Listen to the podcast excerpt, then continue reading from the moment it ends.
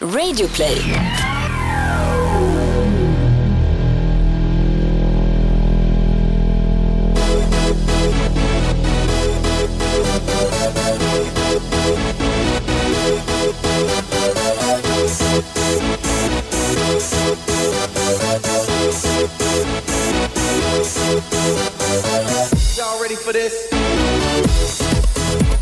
Solen skiner, det är fredag och man har ett jävla klipp i steget efter en supervecka Thomas. Eh, Det är ju ofrånkomligt eh, att inte börja i Toto-balunset här som gick av stapeln i onsdags. Fan vad kul vi hade.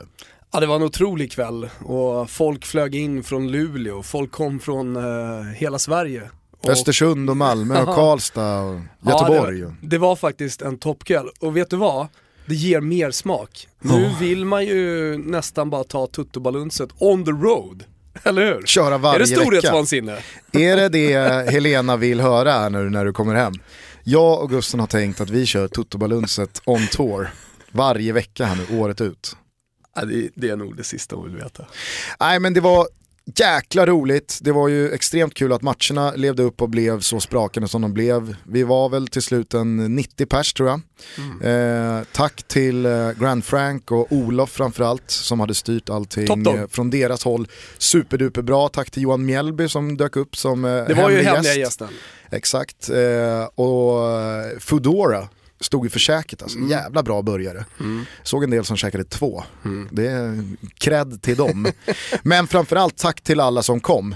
Eh, alla ni som lyssnar på det här och eh, som hade tagit er dit. Det var verkligen skitkul att träffa alla. Snacka med alla, eh, quizza, kolla matchen, eh, dricka bärs. Alltså det, det var så jävla roligt. Champions League tycker jag inbjuder till att ha den formen av sam samkväm också. Även om det fanns några Arsenal-supportrar, det fanns några, någon Napoli-supporter, Real Madrid. Så, så blir det ändå inte som en ligaomgång där man mer, alltså som jag tycker i alla fall, mer är soffan hemma, man vill ha många skärmar. Här är det bara två matcher, man kan ha två skärmar bredvid varandra och, och man kan se matcherna och snacka samtidigt och framförallt då dricka en öl och, och ha jävligt trevligt. Som sagt, stort tack till alla er som kom och vi hoppas att eh, alla ni som inte kom men som vill komma på nästa Toto-baluns får en ny chans snart igen. Mm, vi planerar. Några har sett på bilder därifrån att eh, det fanns eh, en del exklusiva Toto Balutto-t-shirtar som vi hade tagit fram till den här kvällen. Eh, det är väldigt många som har hört av sig om de här t-shirtarna och frågat eh, ifall de finns till försäljning. Vi kommer med eh, förutsättningar för vad det är som gäller kring eh, t-shirts eh, i nästa vecka. Det kommer bli dyrt.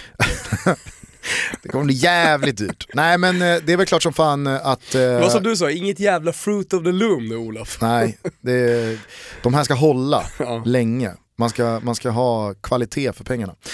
Så att det kommer lösa sig. Men vi kan inte ge någon liksom, hemsida nu Nej, där ni nej. kan klippa hem den. Det är den 17 februari. Ja, Det är inte speciellt många intressanta födelsedagsbarn idag, hör och häpna, trots att vi är fortfarande tidigt annars har ju på året. februari verkligen levererat. Vi hade ju den 5 februari, då spelade vi inte in någon podd. Eh, Kanske lika bra det, då hade väl hela avsnittet eh, handlat om födelsedagsbarn med tanke på hur exceptionellt många stora fotbollsspelare som fyllde år samma dag. Jo men samtidigt så pratar jag ju hellre om lite mer obskyra spelare än Cristiano Ronaldo och eh, Neymar. För de delar väl födelsedagar, bland annat den 5 februari.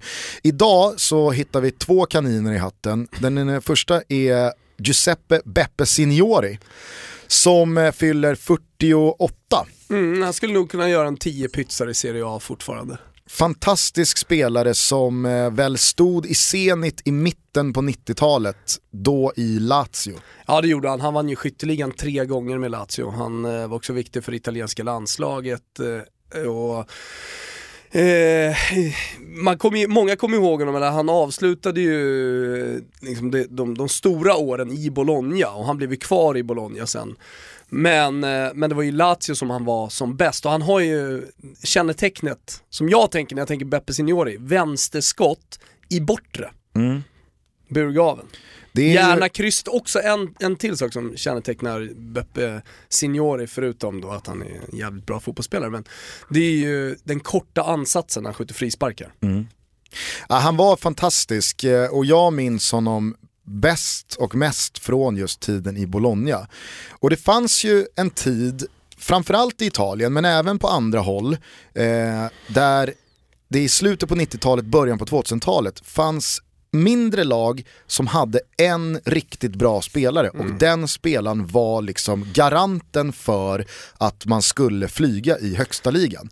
Då tänker jag då kanske framförallt då på Beppe Signore i Bologna. Hade inte Beppe Signore spelat i Bologna 2001 så hade ju Bologna åkt ur 2001. Ja, men Han var ju den här spelaren som gjorde 12 mål och 10 assist.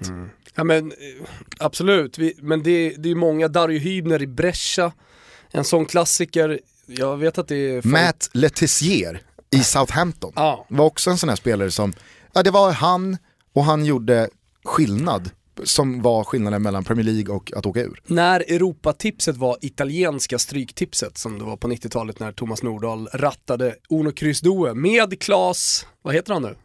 Nu heter han väl Runheim, Är det då så? Åkesson. Ja, Okej. För mig är han i alla fall Klas Åkesson. Åkesson. Kommer du ihåg förresten när, de, när Klas Åkesson pressade Thomas Brolin? Nej. Han ville få det till, eh, om jag minns det här helt rätt, att eh, Thomas Brolin var en stökig jävel och hade gjort fel och att han inte skötte sig och sin kropp. Ja nu börjar det ringa Ja, någon klocka. En klassisk intervju. Vi, vi kan väl bara lyssna, vi lyssnar lite kort på den bara. När det handlar om de skriverierna så har det varit mycket. Det har varit om eh, Eh, krogen och festande och Victoria och allt möjligt. Alltså, men vad jag förstår så tycker du fortfarande att, att du har rätt att vara dig själv. Du har rätt till ett eh, privatliv och vara respekterad. Du har rätt att om du har lust gå ut på krogen med kompisarna utan att det, det ska bli ståhej. Självklart tycker jag det, men sen så blir det alltid lite överdrivet allting och det, det är väl kanske det också som var lite skönt att jag fick den här rollen i Crystal Palace för den bilden som tidningar och vissa andra har målat upp för, mig, eh, för de flesta människorna i, i världen eller i Sverige så då får man ingen sån här uh, människoroll om man har, har det ryktet eller om man, har, om man är en sån person på riktigt. Så det, det känns ganska skönt för det, det, är, en förtroenderoll och då går, funkar liksom inte den bilden som vissa har målat upp för mig. Så det blir Armani-kostym och slips sedan efter? Nej, det vet jag väl inte. Utan jag försöker vara, vara mig själv även på det viset. Men det här med, med privatliv och så, det, det låter på mig som att du har kanske en, en lite naiv inställning. För i den position som du är och den person du är så, så ingår det ju på något sätt i jobbet att vara bevakad och vara påpassad. Inte bara på planen utan även utanför. Jo, men det är väl ingen naivt att eh, vara sig själv. Varför ska jag ändra mig för eh, om jag är en dålig eller bra fotbollsspelare? Tycker du det är naivt eller? Nej men jag, jag, det, det är ju på något sätt givet när man har den rollen, när man är en offentlig person på det sättet att om man går ut och eh, kanske dricker eh, sprit så kommer det att stå. Jo, men även om man dricker vatten så dricker jag sprit. Det är det som är problemet. Och det, det kan jag inte göra så mycket åt. Utan det är, det är inget roligt att skriva att jag dricker vatten. Så då, då drar de på åt andra hållet. Och Jag, jag tycker inte det är så roligt att bo i en grotta själv och sitta och sticka. Det, den personen är inte jag. Då skulle det inte gå bra för mig på fotbollsplanen heller. Du kommer fortsätta att uh, vara som du har varit. Du kommer inte ändra dig på något sätt. Nej, har jag lyckats hittills och försökt vara mig själv så tror jag nog klarar av det i framtiden också. Ja, starkt. Eh, Helt, helt Ja, klart. var, du var på väg någonstans då, på den här tiden. Ja, på den här tiden, eh, just Dario Hübner och Beppe Signori för all del också, var ju sådana här namn som hela tiden plingade upp även om inte deras matcher gick. Och man visste ju, hade man lirat emot Brescia, ja, då jävlar kom ett mål av Dario Hübner. Ja, eller Roberto Baggio. Baggio! Funkar inte lika bra Nej. som Bayern. Eh, Alan Shearer, i mångt och mycket hade han ju den här rollen i Newcastle. Hade man lyft bort Alan Shearer från Newcastle så hade ju de mycket väl kunnat åka ur. Nu var det ju Champions League-fight varje säsong. Eh, jag försöker hitta Victor någon... Prodell, Elfsborg. Nej, Ja, där jätte- finns ju fricken. Det är en modern klassiker då. Nej men jag försöker hitta... Hasse Berggren, där har du en. Nej. Tycker jag ändå. I Bayern. Nej, I Elfsborg. i Elfsborg.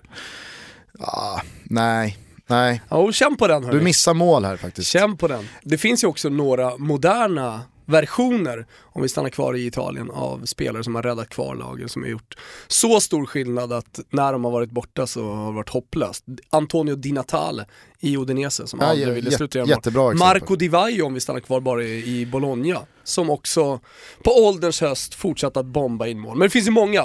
Thomas Hessler i 1860 München var ju, eh, han var ju skillnaden på Bundesliga och Zweite. Helt klart. Men jag måste hitta någon jävel i Spanien som verkligen eh, illustrerar det här.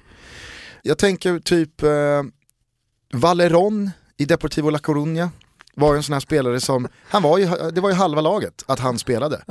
Eh, du hade eh, Riquelme när han spelade i Villarreal. Han, var ju, alltså, han var ju på väg att ta dem till Champions League-final. Och sen så försvann Riquelme och två år senare så, fan om inte de åkte ur då. Vilken, Alltså. vilken spelare han var. Riquelme, ja. Jag hittade en compilation, det var någon som hade twittrat ut den. Riquelmes tio bästa tunnlar Mm. i karriären. Känns heller inte som att Riquelme har fått sitt fulla erkännande, hur fantastisk han var. Och han- det är väl och problemet när man inte titlarna. vinner mest, ja, exakt, mästerskap och titlar. För att eh, man kan prata hur mycket som helst om att Messi inte har den där titeln med landslaget. Men han har staplat de absolut tyngsta titlarna i klubblagsfotbollen på hög. Det gjorde ju inte Riquelme. Eh, och, och hans tid i Barcelona flög ju inte speciellt mycket.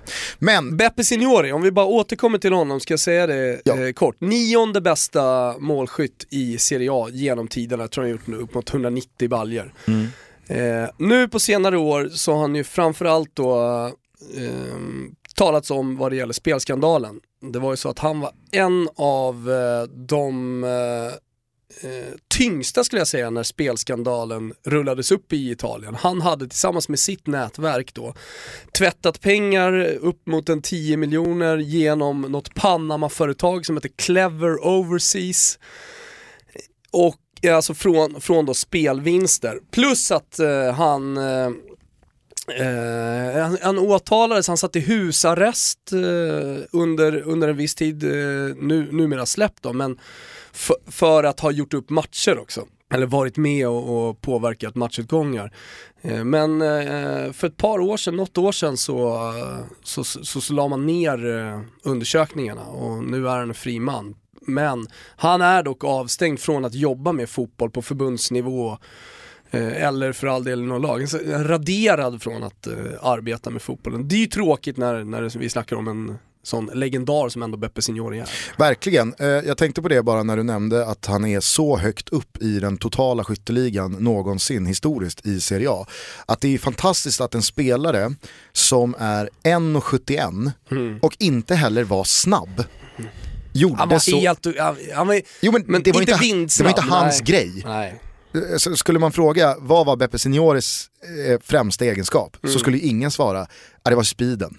Sen var han ju inte långsam, men att en så liten spelare som inte heller hade snabbheten som främsta egenskap kom upp i de eh, målsiffrorna är ju fantastiskt. Och det säger ju om, det vittnar ju verkligen om att han hade en sån jävla fot. Han hade ett tillslag. Ja. Ja, en fruktansvärt, riktigt bra frisparksskytt. Ja, Fantastiskt. Det andra födelsedagsbarnet, också en stökig herre, kanske den stökigaste av dem alla. Det är Adriano som i eh, dag fyller 35. Ribeiro. Eh, Adriano kommer många ihåg från eh, det brasilianska landslaget och eh, hans italienska klubbar, kanske framförallt då Inter och Parma. Jag skulle säga att han stod, han var som bäst i Confederations Cup, eller för-VM 2005 som Brasilien vann.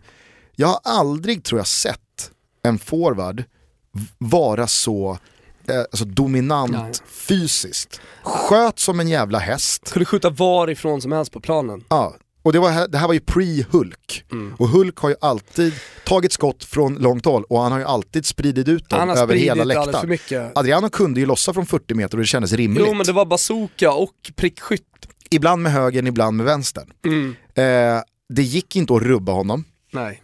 Ah, Han var Otrolig teknik. otrolig teknik. Och inte långsam heller. Nej. Eh, han var... Han hade kunnat, han hade kunnat bli ihågkommen som en av de absolut bästa i världen. han hade definitivt kunnat vinna minst två guldbollar Ja. som liksom världens bästa fotbollsspelare. Och hade han hängt i mentalt och fysiskt, alltså hade han haft karaktären och skallen så hade han ju tagit en av de där sista guldbollarna innan Ronaldo och Messi växlade upp. För att han var så jävla bra två, tre år där, 2005, 6, 7. Eh, Nej, otroligt. när Inter formerade det tvåmananfallet, Zlatan och Adriano, Ja.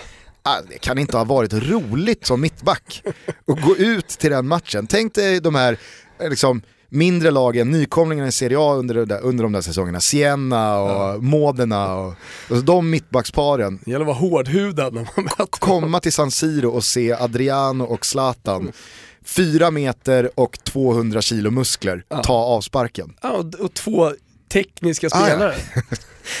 Det kunde bli mål från liksom, vilken position Ja. som helst på offensiv planhalva. Ja. Sen var det ju problemet då, att han gillade bärsen för mycket. Ja, inte bara bärsen. Han gillade också käket. Och drogerna. Och drogerna. Och alltså, musiken och festen och dansen. Ja. Alltså det här var ju en rumlare av absolut toppsnitt. Och det, det, det konstiga, eller det märkligaste kanske, med Adrianos fall, det var att han var så jävla medveten om det själv kändes det som.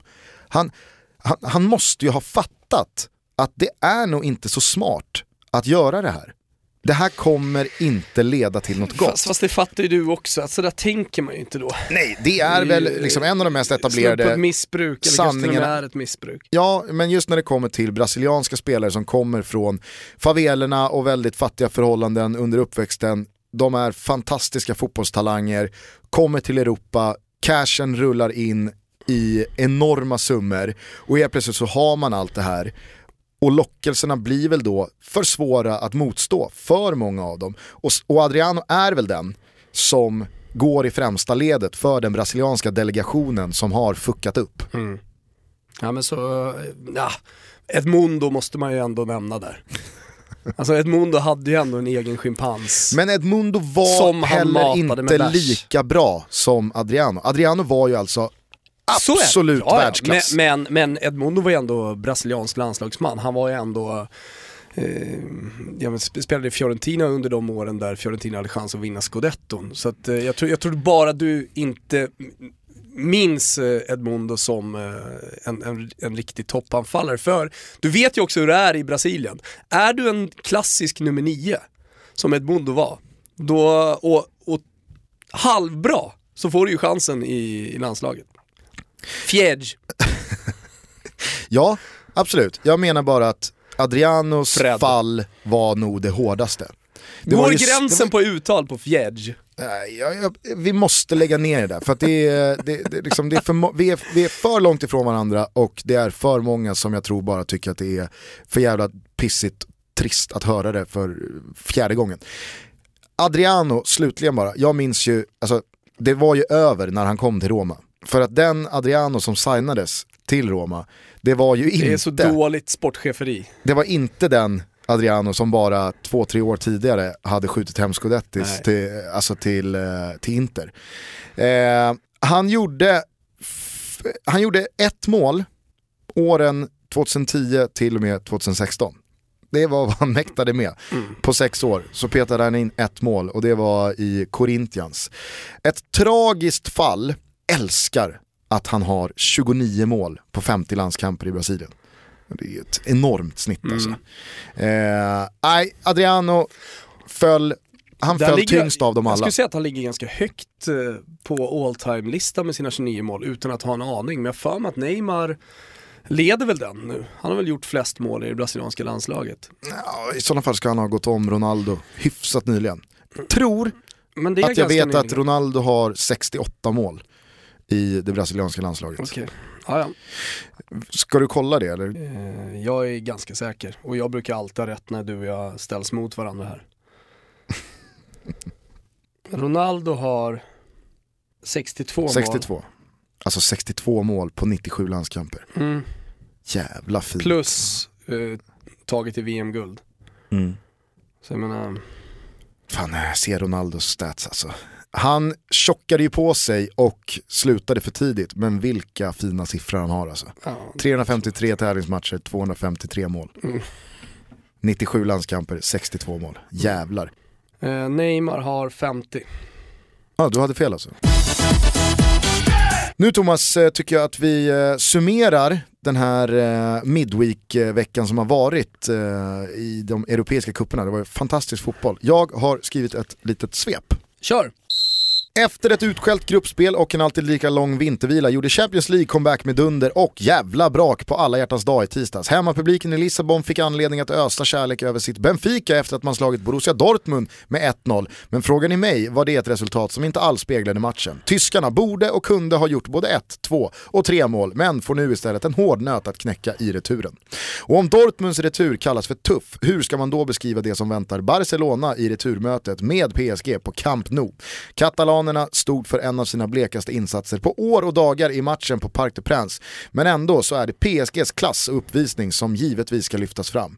4-0 och i ärlighetens namn kunde det ha blivit mer. Muniers tomma löpningar, den minst sagt orutinerade Kimpembe, Rabiot, Verratti, Draxlers nystart, Di Marias mål, Cavanis outtröttlighet, Unai Emerys briljans. Bland alla möjliga superlativ som går att använda säger jag det nu bara. Sex getingar till PSGs insats. Onsdagen ville inte vara mycket sämre och de båda matcherna bjöd på hela 10 mål. Bayern München pulveriserade Arsenal med 5-1 och avancemanget är i och med det givetvis säkrat. Uppgifter gör gällande att detta ska ha blivit Arsene Wengers spik i kistan och vad finns det egentligen för anledning för Alexis Sanchez och Mesut Özil att stanna i detta lag? Napoli och Lorenzo Insigne tände hoppet för Maradona och alla tusentals ljusblå på plats på Bernabéu med tidigt ledningsmål, men de regerande mästarna från Madrid visade klassen och vände på steken. Casemiro fick visa att han kan väldigt mycket mer än att bara glidtackla och gjorde omgångens kanske vackraste mål med sin volley fram till slutresultatet 3-1. Igår så drog också Europa League 16-delsfinaler igång och i ett mångt och mycket ganska sval runda noterar Toto Balutto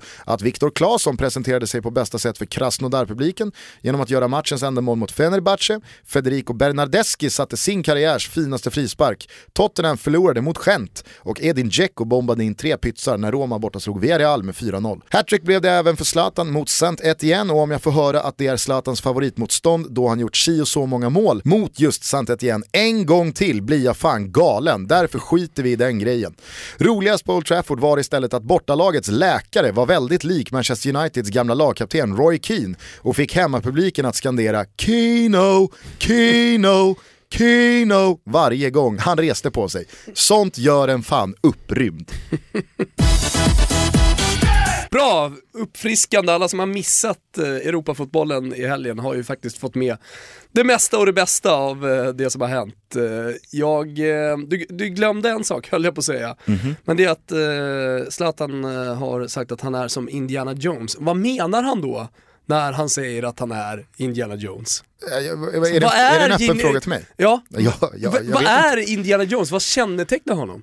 Ja, jag vet inte. Han kanske En pratar- äventyrare? Ja, eller att han kanske menar att pokalerna är som några slags skatter. För är inte det Indiana Jones grej i de här filmerna? Att han ska få tag på Så han något. är en, en treasure hunter. Ja, exakt. Mm. Vad Så heter han vill den? ha- Döda, dödsrelikernas eh, någonting, någonting. Och sen så är det någon jävla ark. Ja. The, the Lost Ark Ja. som han ska få tag i. Det kanske är det han menar Zlatan, jag vet inte. Spontan känsla bara, noterade du det här med Saint Etiennes lagläkare som var lik Ja, jag gjorde det. Så jävla roligt att de körde Kino varje gång han, han liksom ställde sig upp. Och sen uppmärksammar jag ju att du faktiskt ändå uppmärksammar, du hade ju bara kunnat eh, tagit bort det här med Sankt Etienne. En annan sak som en jag nästan är me- mest trött på, det, det är Sankt Etienne-fanrunket. Eh, alltså det, det ska ju såklart uppmärksammas, det är härligt.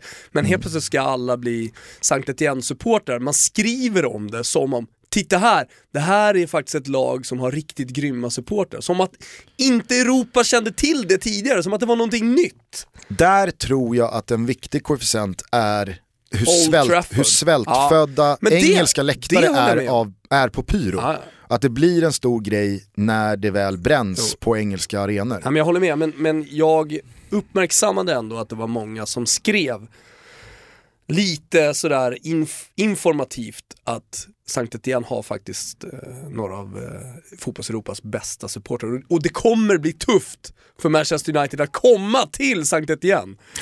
Så det är Men- viktigt att få med sig ett bra resultat, Men för att min- det är så heta för supportrar. Men min peak här i svepet, det är ju verkligen en passning och nu sätter jag mig på en hög häst här. Alltså det, man måste sluta göra så stora grejer av så liksom icke-relevanta eh, fakta. Han har mött saint Etienne över en lång tid, han har mött förmodligen, jag tror att det här var hans Vet du vad det är? 15 match, han har mött 15 olika startelvor, han har förmodligen mött 10 olika backlinjer, han har mött saint Etienne med tre olika lag. Det är helt jävla ointressant att han just mot det här laget har råkat peta in fler Vet, vet mål det är? än Det mot är något annat. Jarelind passus under en kommentering. Exakt. Och sen är det, sen är det stopp där. Ja, men, men att, att göra någonting mer än så av en sån trivial information, det tycker jag är ett underbetyg till väldigt många. Det är ju annars, eh, Fattar inte alla att Ja men mot, det är ju något lag som man har gjort flest mål mot. Ja. Det, är fall, det, det, är, bara- det är bara så det är. ja. Är det gulaschen eller? Ja, Ja. faktiskt. Gulasch till alla som har överskattat informationen och faktan om att saint Etienne är Zlatans favoritlag, för mot dem gör han flest mål. Men det, Skiter ju fullständigt i vilka är han möter. men, men det som ändå är roligt, det är ju sättet han gör det här hattricket på. Det är ju riktiga pissmål och straff. Ja, verkligen. Men Så, eh, så här, om man bara hade sett rubrikerna, hattrick, King of Manchester, som Manchester Evening News skrev, eh, såklart hyllad då, gör ju ändå ett hattrick. Men om man inte har sett matchen så får man ju då eh, känslan av att Zlatan har gjort en supermatch. Rörde ju knappt bollen utöver de här målen. Det ena är en deflection, det andra är en straff och så är det tredje nada. eh, Manchester Uniteds officiella Twitterkonto twittrade ut en sån här poll Mm. igår kväll, alltså där man får rösta. Eh, för det här var ju Zlatans första hattrick i klubben och då frågade officiella kontot sina följare, vad ska vi nu kalla detta? Slattrick eller Three Brahimovic? Vad vart det då? Jag vet inte, jag tror att den avgjordes på 24 timmar så att resultatet har inte kommit än. Men eh, Vi håller koll på det. det lär ju bli Slattrick. Mm. Det, det, det är känslan. Three Ibrahimovic var, ah, fyndigt men lite för krystat. Eh, om vi skiter i den matchen och eh, släpper Europa League, låt oss gå tillbaka till de här fantastiska åttondelsfinalerna i Champions League. Till att börja med så ska vi säga att nu är klockan 09.58, svensk tid fredag. Det har utannonserats en presskonferens Svensk från tid? Arsenals håll. Ja men klockan 9, alltså nu klockan 10 svensk tid. Ja, Så att vi, vi får väl se om det är någonting, men många menar ju att det är en presskonferens där Arsene Wenger kommer meddela att jag gör nu mina sista månader i klubben. Och man vet ju också att när han meddelar det så har han tagit det beslutet själv. För att styrelsen är ju fortsatt nöjda med eh, Arsène Arsene Wenger. De går ju i graven med honom. Ja, det är väldigt många som har bra koll på det här, men för de som inte riktigt eh, kan sitt Arsenal så har ju det väldigt länge varit en klubb som styrs av personer som de, de vill ha svarta siffror i boken, de vill tjäna pengar och Arsene Wenger har år ut och år in levererat tillräckligt för att de ska vara nöjda. Har tag, han har tagit dem till Champions League varje säsong och väl där så har man gått vidare och så har det bara rullat på. Sen så har supportrarna i takt med att eh, de på snart 13 år eh, har lyft eh, två fa Cup-bucklor och sen haft en titeltorka. Eh, vädrat sitt missnöje och blivit mer och mer frustrerade över att Arsenal de är nästan där år ut och år in, men de lyfter inga pokaler. Så att efter den här Bayern München-matchen så känns Ja, det som det att mycket- det är inte många som är kvar i Wengers ringhörna Ja, nu, utan nu vill i- alla supportrar att han lämnar. Bägaren har haft ytspänning ett tag nu Mm. och tålamodet eh, till och med för liksom, de största eh, eh, Arsene Wenger-älskarna har ju trytit för ett tag sedan.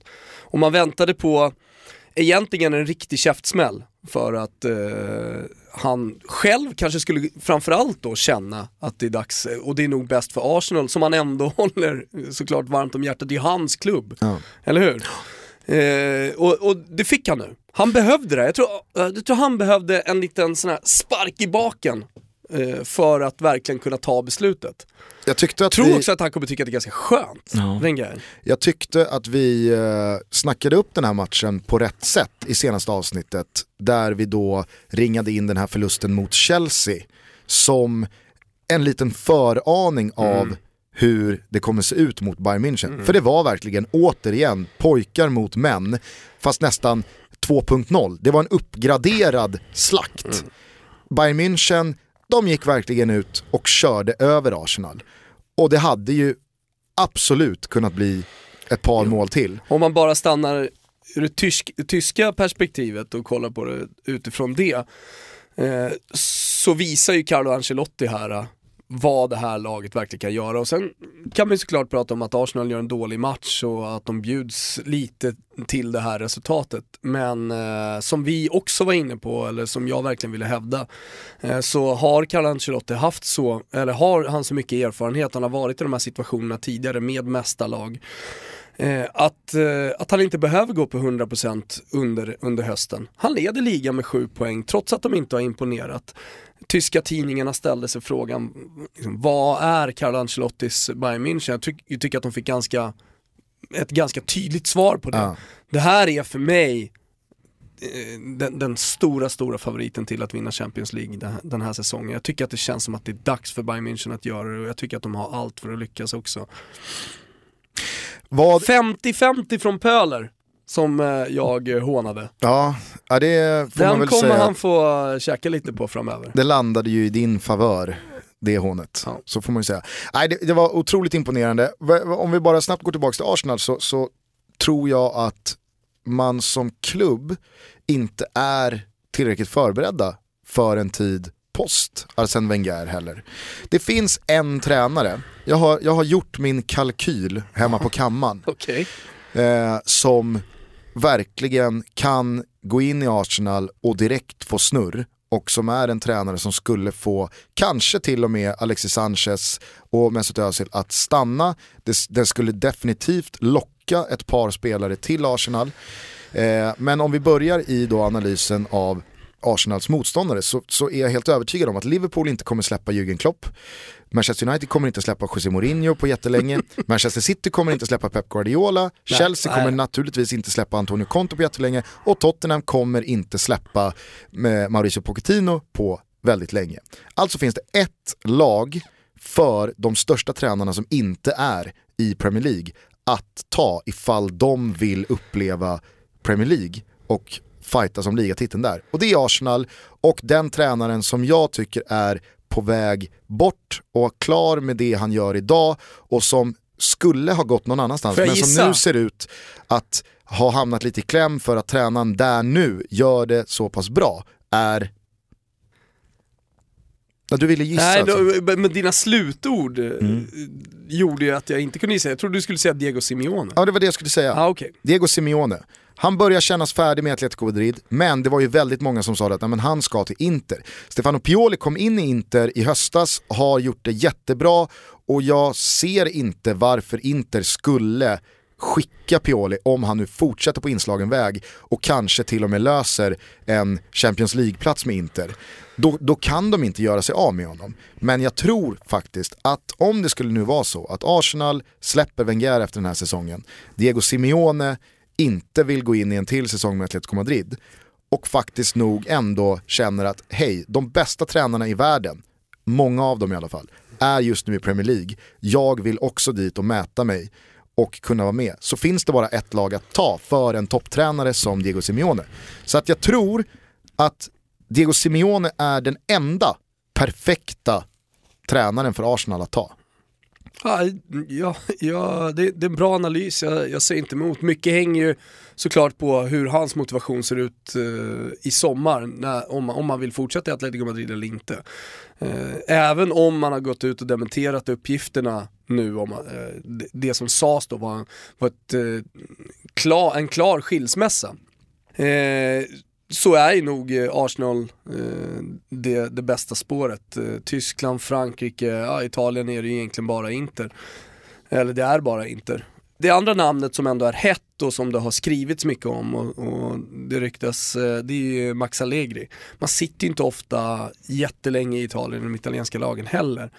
Och beroende lite på skulle jag säga också hur den här säsongen går för Juventus. Ligan kommer man ju säkerligen vinna, men, men i Champions League skulle man gå långt där och till och med kanske gå hela vägen till en final, då är jag svårt att se Max Allegri motivera sig för att ta det här ytterligare liksom en vända. Men hade jag varit Arsenal och haft Diego Simeone och Max Allegri att välja på så hade jag tagit Diego Simeone alla dagar i veckan. jo men, Jo men jag ser det gör väl alla? Ja, ja, alltså, ja, det, vadå? Det, det är kanske inte alla som gör. Allegri har ju faktiskt gjort det kanonbra i Juventus. Eh, men Diego Simeone är, Jo, det, är- det är någonting annat. mer Diego Simeone. Diego Simeone är ju premium. Skulle ändå vilja se den Arsenal-supporten som säger jag tar hellre Max Allegri än Diego Simeone. Jo, för jag tror nämligen inte att det finns en enda. Ja, nej, ja, och, och fine by Hand me. upp! Ja, men fine by me. Herregud. Ja. Jag tror också att det är en övergripande majoritet som väljer Simeone. Håll med om att det är också liksom, känslan med Simeone. Nej, jag tror inte att det är en går in- övergripande majoritet, jag tror att det inte finns en enda. Det är Nej. stor skillnad. Det är ju, alltså, det är nog ganska magstarkt gentemot Allegri som ändå har gjort det jävligt Ja bra men senaste Diego tre åren. är Diego Simeone, alla älskar honom. Håll med om att han hade fått det att funka direkt. Alltså han har ju fått den här effekten. Han behöver ingen jävla inkörstid. Han går in och börjar veva med armarna och liksom kräver Mm. av spelarna att nu går ni ut och vinner här bara. Eh, alla såg bilderna från Allians när Oxlade Chamberlain ger upp i sin enmannapress och står och hoppar och slår med armarna. Alexis Sanchez bara satt på huk och skakade på huvudet. Arsene Wenger stod med vattniga ögon efter matchen. Det är ju återigen, alltså så tar Arsenals säsong slut i slutet på februari. Är det är det, det, är det, det näst första vårtecknet? Ja, nu ska man ju ta sig till Champions League också, så att jag menar, det finns ju någonting att spela för, för, för Arsenal. Jo, men- Annars är... eh, Jo, Det första men- vårtecknet är att Champions League är tillbaks. Ja. Det andra vårtecknet är att Arsenal åker ur Champions League. Ja. Vi får se vad det tredje vårtecknet blir. Men eh, ja, eh, intressant blir det i alla fall att följa vad som händer med Arsene Wenger. Du får väl hålla lite utkik på mobilen under inspelningen ifall det kommer någonting eller om den här Absolut. presskonferensen bara är en rökridå för någonting annat. Mm. Innan vi släpper eh, Champions League, PSG, måste bara säga någonting Mm. om den matchen. Jag, alltså, jag, jag, Det finns ju många att hylla i PSG. precis som jag gjorde i mitt svep, alltså, det fanns ju Ja. så jävla många insatser som var fenomenala. Som var fenomenala. Men som ett kollektiv, Ja. håller du med mig om att sex getingar är befogade? Ja, det håller jag faktiskt med om. Vinna 4-0 över självaste Barcelona, som tillsammans med Bayern München var favoriter till att vinna. Så det- absolut, det, det är klart att jag gör det. Eh, sen, sen är det också, det finns en grej här med eh, Emery. Det, det finns någonting med honom som man också kan applicera lite på José Mourinho. Eh, och det, det är just det här att ibland tar det lite tid att få igång ett lag. Hur mycket man än förväntar sig att det ska flyga direkt så är det inte alltid att det gör det. Alltså det, det är ändå i mångt och mycket ett nytt PSG. De spelar på ett helt annat sätt. När eh, Laurent Blanc var, hade tålamod och eh, absolut inte ville ha några snabba omställningar, han ville ha harmoni på planen mellan lagdelarna. Eh, så är, Förutom mot saint igen, då spelar det ingen roll. Det är det här laget som Zlatan alltid gör mål mot. exakt, passa bollen till Zlatan var, eh, var det då. Vi möter trots allt saint igen. Ja. Nej, men sen, sen så var det ganska Zlatan tungt anfallet också. Mycket handlade om att få bollarna till honom i, i straffområdet. Eh, men, men, men det kan ta lite tid innan man får igång det och jag tycker att det är ett så tydligt exempel eh, med Emery och PSG den här säsongen i och med att det såg så dåligt ut under hösten. Man höll till och med ett tag på att tappa den här eh, guldstriden. Sen har man jobbat sig tillbaka. Man har 11 segrar, en oavgjord, det oavgjorda, oavgjorda resultatet kom mot Monaco sen den 21 december. Så att jag menar, någonting har ju varit på gång och det man framförallt har sett tycker jag, det är ju nyckelspelarna som inte har levererat tidigare. Till exempel då Di Maria, som var direkt eh, usel under hösten och alla undrar vad, vad är det som händer? Det, det var ju till och med så att han ryktades bort i januari. Det var någonting fel där. Han har, han har verkligen kommit igång, eh, Verratti varit skadad, nu gick han av igen såg jag. Eh, lite vadproblem, men det ska ju inte vara eh, en all, alltför allvarlig skada. Men, men eh, hel, hela mittfältet, men också hur sättet de nu helt plötsligt börjar förstå hur Emery tänker, hur han vill att de ska pressa. Det, det, ja, men det är imponerande och sen så att det, att det faller så väl ut också mot, eh, mot Barcelona. Jag vet att man inte kan prata om motivation i den här matchen, men låt oss då prata om energi. För vi såg fler och många som uppmärksammat också, det gjordes i studion tror jag och i, i Viasat, eh, hur eh, Iniesta, de här rutinerade spelarna, Messi, inte tog hemjobben. Och jämför då med Cavani, som gör en helt fantastisk match. Inte bara i offensiven, inte bara att han är, han är hela tiden ett ständigt hot för Barcelona-försvaret, utan hemjobbet som han tar. Som han springer i den här matchen. Han är nere flera gånger, nästan i eget straffområde, och vinner boll. Så här klassiskt eh, Carlos TV-sätt. Spelaren är inte medveten, han hör inte sina lagkamrater skrika “Akta rygg!” Och så kommer, kommer eh, Cavani där och vinner bollen. Alltså det, det, väl det, är otroligt, och det är också beviset på att PSG är bättre utan Zlatan. För hade Zlatan spelat i det här laget, då hade han varit nummer nio. Då hade inte det här pressspelet funkat lika bra. För han är inte lika eh, löpvillig, han jobbar inte lika hårt i defensiven. Det hade inte funkat lika bra med Emery om det hade varit en spelartyp som Zlatan. Man kanske ska twista din sägning där och säga att PSGs högsta nivå, som vi fick se i den här matchen, är högre än vad den någonsin var under Zlatans tid. Men Det, om, som, som helhetsbetyg så är det ju tufft att bara efter den här matchen säga att nu är PSG bättre utan Zlatan. Jag håller PSG med dig om för att mm, I den här matchen, Exakt. på det sättet Det de PSG spelar mot Barcelona med den frenetiska pressen, så är de det. så har jag ju inte sett PSG bättre någon gång. Nej. Men med det sagt så behöver det ju inte innebära att man som lag är bättre än det PSG som Zlatan spelade i. I slutändan handlar det ju om också titlar, hur långt kommer du? Ja, Eh, så att, eh, men, men, jag i- förstår vad du menar. Ja. Jag förstår vad du menar. Och den där energin du pratar om, alltså den, den, den tyckte jag, den fanns ju på hur många håll och kanter som helst i hemmalaget. Alltså Munier, Mm. han drar ju 80 meters löpningar tom, alltså tomma. Bara för att ge alternativet överlappen. Får aldrig passningen. Men eh, då är det bara att lubba hem 80 meter igen, hamna på rätt sida. Eh, Rabiot, fantastisk alltså. Ja. Han var ju helt enorm. ja men ena målet är ju faktiskt hans bollvinning och sen ställer de om. Ja.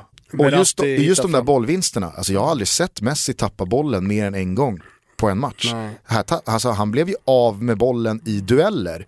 Fem, sex, sju Man, gånger. man har ju sett Messi vara lite så här loj, att han, han, han har kommit eh, bort från matchen.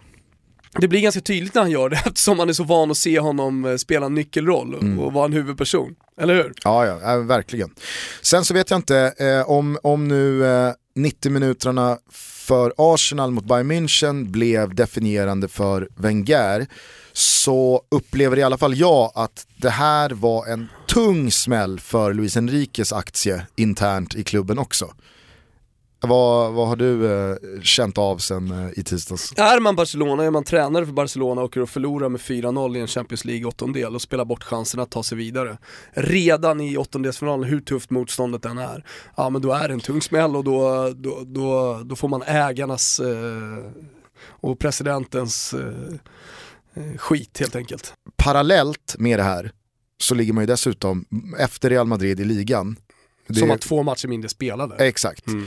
Eh, så att hade Barcelona i den här situationen lett La Liga med 6 poäng, 7 Mm. poäng, så finns det ju ändå incitament för Enrique att peka på att ja, men, vi gör en ganska bra säsong Mm. ändå.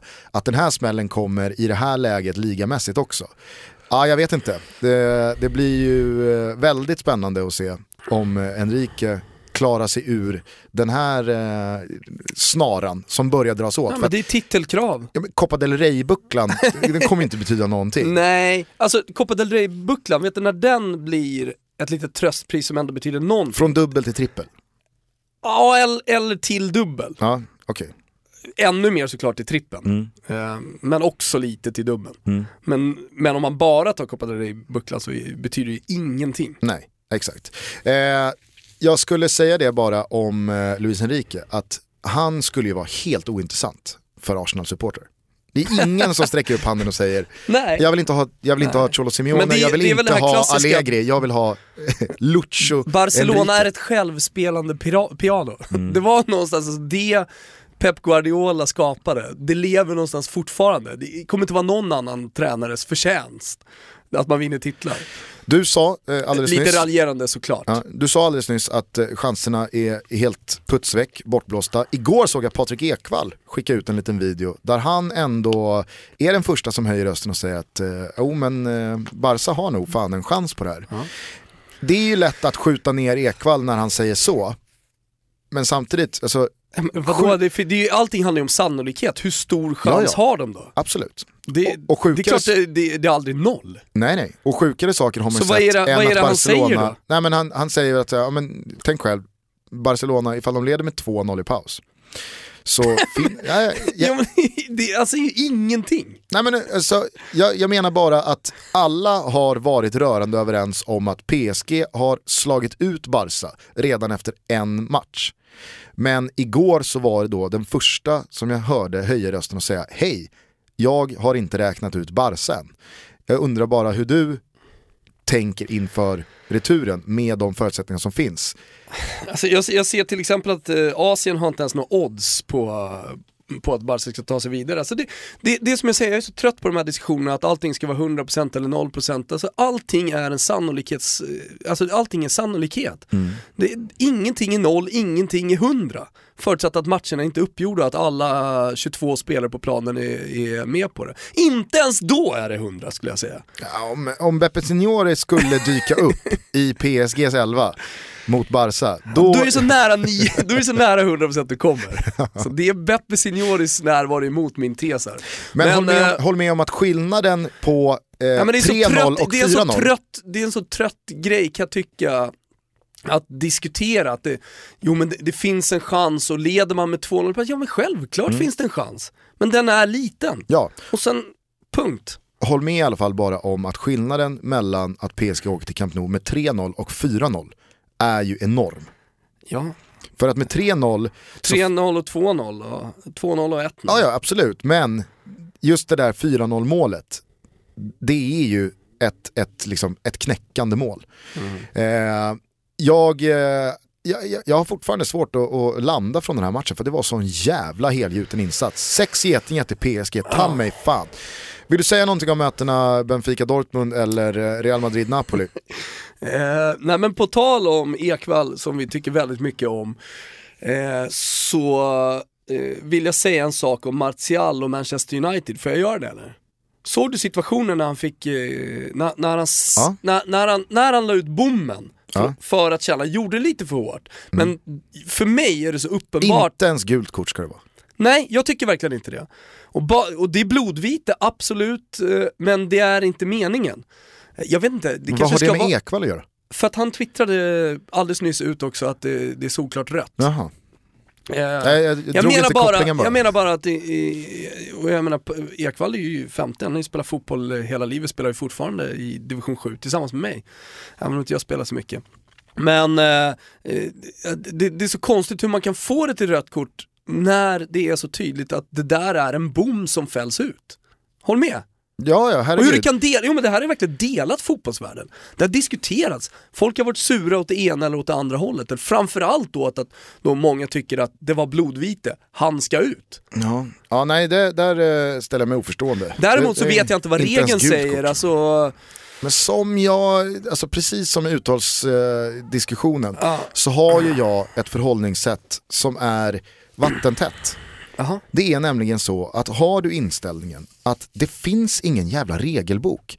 Det finns bara alla domare fast i det världen. finns ju en regelbok. Nej men det gör ju inte det. Det är klart som fan inte gör det. Tar man handsituationer så har I, du ju rätt. I Det slutändan, det ypper- I slutändan så handlar det om att det bara finns, precis så många domare det finns i världen, så många tolkningar av regelboken finns det. Mm.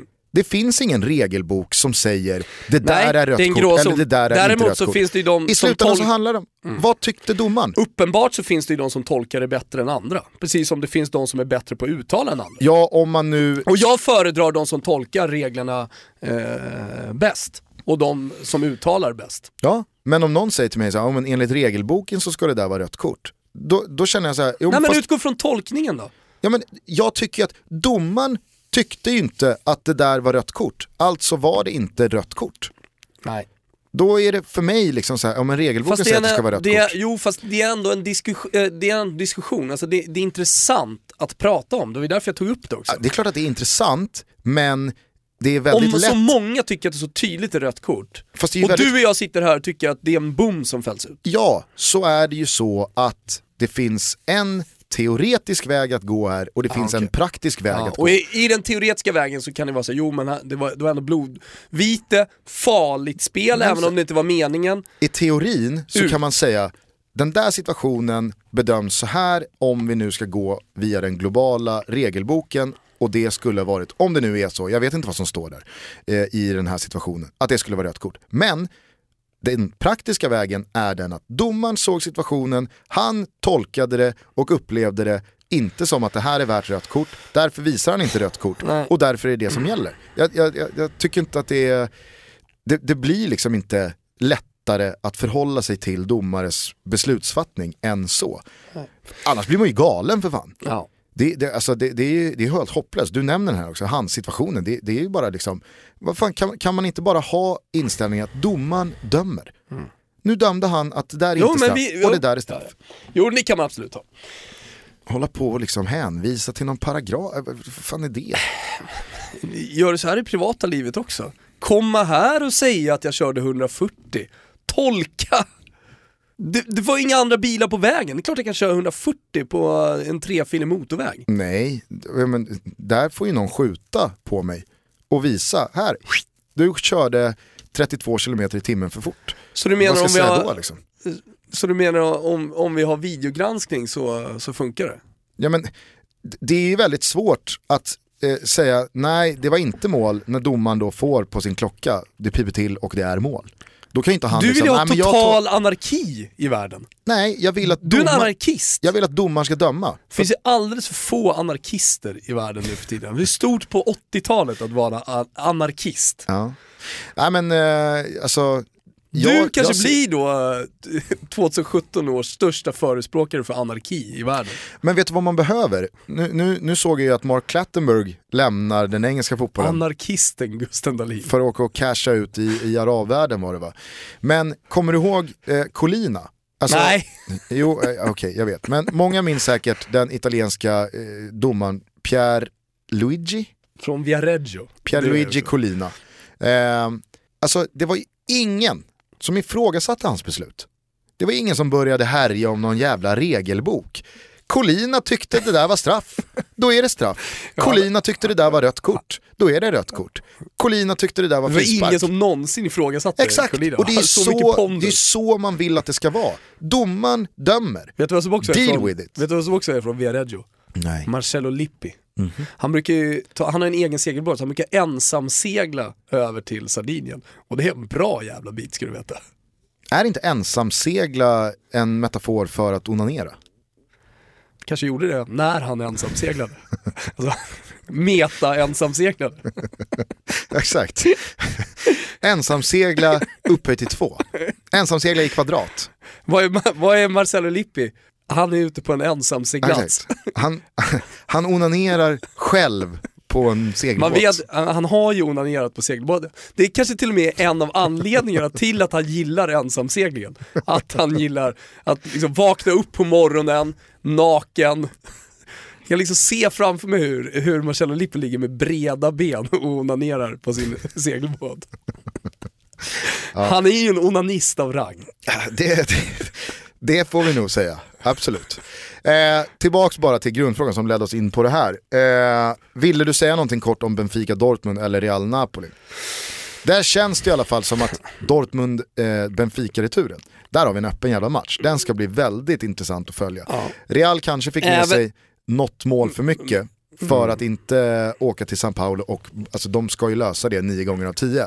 Eh, men, eh, Ja men det lever i alla fall, det Det mål på lever, bortaplan. och det var eh, härliga matcher. Eh, ja, men det, det jag skulle säga om Benfica Dortmund, det är att jag är nog mer Dortmund-pro än vad många är efter den matchen. Många går nog på resultatet så här. jag tycker, alltså, det Dortmund jag såg var ett bra Dortmund Mm. i en tuff bortamatch mot Benfica. Eh, sen att man inte fick in mål var tillfälligheter, det kan ha att göra med lite självförtroende som, som, har, som har dippat i och med den turbulenta situationen som ändå råder i Dortmund. Men eh, jag var imponerad av hur de tog sig an matchen, hur de spelade, hur mycket chanser de skapade. ja, och som att jag, sa jag, i är, jag, är, svepet jag är nästan att- mer pro Dortmund nu än vad jag är inför mötet. som jag sa i svepet där så Mm. det var ju inte ett resultat som speglade matchbilden. Nej, exakt. Benfica fick ju Alltså verkligen svepet ut... var ju fyra getingar. Oj, tack. Mm. det vart eh, ett svep som mynnade ut i ett eh, långt segment och nu ska vi börja runda av. Mm. Eh, Du ska tråkigt nog på en begravning så det, det är svårt att tumma på klockan här. Ja, Även fast du brukar kunna Matrix-böja till och med tiden ibland. ibland så. Men innan vi stänger ner butiken så ska vi eh, snacka upp våra Toto-tripplar. För det är ju eh, ny helg, ny chans eh, på att eh, dels vinna cash men också att genom sin eller sina Toto-tripplar vara med i utlottningen av officiella matchtröjor från Europas stora ligor och allsvenskan. Innan vi gör det så skulle jag vilja rikta ett stort tack till dig Gusten Mm. och till Betsson, fina fina Betsson, för den Sturm Graz-tröja som jag har vunnit via dig. Ja, du har inte vunnit den, jag har vunnit den och gett den som en kärleksgåva på alla hjärtans dag du vann den för det är ju så man kan vinna matchtröjor, vi ska berätta hur man gör. Men man kan vinna matchtröjor på Betsson med hjälp av Toto Balotto. Du vann den och gav mig då mitt österrikiska lags tröja, Sturm Graz, som ligger trea i, i österrikiska Bundesliga. Eh, och eh, jag blev oerhört glad av det. Så tack så mycket Gusten och tack Betsson för det. Mm. Hur gör man för att vinna matchtröjor? Man går in på Betsson.com och under fliken godbitar slash boostade odds, under där så finns det någonting som heter Toto-trippen. Där har du och jag satt ihop varsin trippel och eh, om man ryggar den med eh, insatsen 100 plus avsnittsnummer, i det här fallet 149 kronor, så är man med och eh, tävlar om de här matchtröjorna. Och sen är det såklart eh, önskat från både vårt och eh, de eh, ryggarnas håll att eh, spelen sitter, för då vinner vi ju cash också. Men tripplarna behöver inte sitta för att man ska vara med i snurran om matchtröjorna. Så då spelar man den här och sen så screenshotar man av det in på Twitter under hashtag Tototrippen så är man med. Och den här Mm. Glöm veckan... inte bort det ni som har Twitter. Hashtag Tototrippen, screenshot på att ni har ryggat en av våra tripplar, eller kanske båda som många gör. Eh, så, så är man med och tävlar om de här matchtröjorna. Den här veckan så ska jag fatta mig väldigt kort i den första matchen. Det är nämligen den mellan Borussia Mönchengladbach och eh, Emil Forsbergs Leipzig på söndag. Där har jag spelat över 2,5 mål. Det är ett eh, Gladbach som under Dieter Hecking 2017 med lagkaptensbinden på Oscar Wendt har gått jävligt starkt. Man har öst in mål hemma på Borussia Park i synnerhet. Och det är ett Leipzig som efter två tuffa förluster, borta mot Dortmund, hemma mot Hamburg senast, måste tillbaka upp på hästen ifall man ska ge ligatiteln en sista chans. Därför tror jag att det kommer vara ganska så öppet. Båda lagen kommer gå för det hur än det första målet faller. Eh, Leipzig har tillbaka sina bästa spelare, däribland eh, Emil Forsberg. Och eh, ah, Mönchengladbach, eh, de visar ingen någon respekt på hemmaplan. Så där tror jag det kommer bli en öppen tillställning. Däremot så är det väldigt, eh, väldigt glatt från mitt håll att det är svenska tävlingsmatcher tillbaka på eh, kupongerna. Det är härligt. Svenska Och vi ska prata mycket mer allsvenskan vad det lider. Exakt. Jag har sett att folk har saknat det. Ja. Svenska kuppen drar ju igång i helgen och jag har hittat två spel Mhm. eh, som är med i min eh, Toto-trippel. Till att börja med så är det arameiska syrianska mot Sirius. Där går Arameiska jag har på... vi i division 1 va? Mm. Och eh, det här är alltså ett eh, nykomling i allsvenskt lag i Sirius Mm. som åker dit. Det är konstgräs på Jallavallen som vi kallar den. Eh, I alla fall jag.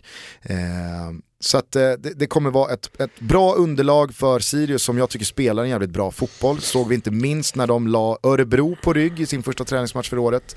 Eh, nu har man i och för sig åkt på då två förluster senast här mot Malmö och Östersund, men det räknar jag inte in som några vinna. minus. Arameiska Syrianska däremot, det är alltid struligt i Södertäljeklubbarna den här tiden på året. De har alltså 15 pers i truppen i dagsläget. De har den senaste veckan bränt av tre träningsmatcher bara för att ha tre träningsmatcher i kroppen.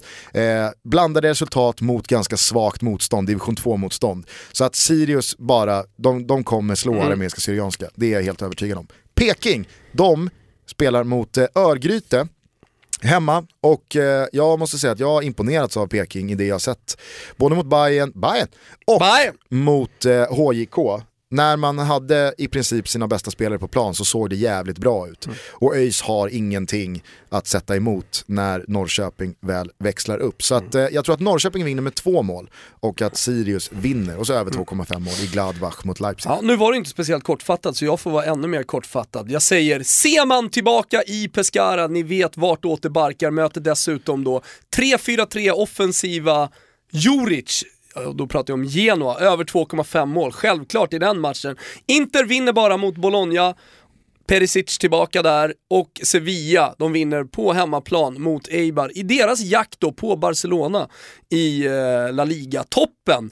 Det var allt Gusten från våra tripplar. Däremot så vet jag att du har ytterligare ett budskap att förmedla från våra vänner på Betsson. Ja, och eh, den, här, eh, den här gången ska det vara fan omöjligt att gå bort sig i de här erbjudanden. För det är nämligen så att eh, det finns eh, ett riskfritt spel att hämta för alla de som blir nya kunder hos Betsson och reggar ett konto. För om man inte har ett Betsson-konto så är det ett perfekt tillfälle att skapa ett just nu. Nya kunder får ett riskfritt spel när de gör sin första insättning. Och vad är då ett riskfritt spel? Finns det några eh, hakar här? Nej, det gör ju inte det. För det fina med det här riskfria spelet Bra. det är att eh, man betalar sin insats och eh, om då spelet inte sitter, ja då får man hela pengen tillbaka. Så om man Eh, sätter in en femhunka, lirar för den femhunkan så får man eh, pengarna tillbaka om det inte skulle sitta. Beroende på hur mycket du vill sätta in så kan du välja värdet på ditt riskfria spel. Om man sätter in 200 kronor, ja då får du ett riskfritt spel värt 200. Aj. 500 ger 500. 1000 kronor är dock max. Mm. Så att sätter man in 1000 kronor så får du ett riskfritt spel värt 1000 kronor. Mm. Vi tar det igen. Man skapar ett Betsson-konto och så gör man en insättning. Man väljer vilka odds man vill lägga och eh, klickar i då att det här ska vara mitt riskfria spel i den blå rutan som dyker upp på spelkupongen. Sitter inte det här spelet, ja då får du tillbaka dina cash. Solklart. Det är solklart. Betsson.com, Toto-tripplar, Regga. matchtröjor, regga, riskfria spel, Svenska kuppen. Enjoy! Enjoy.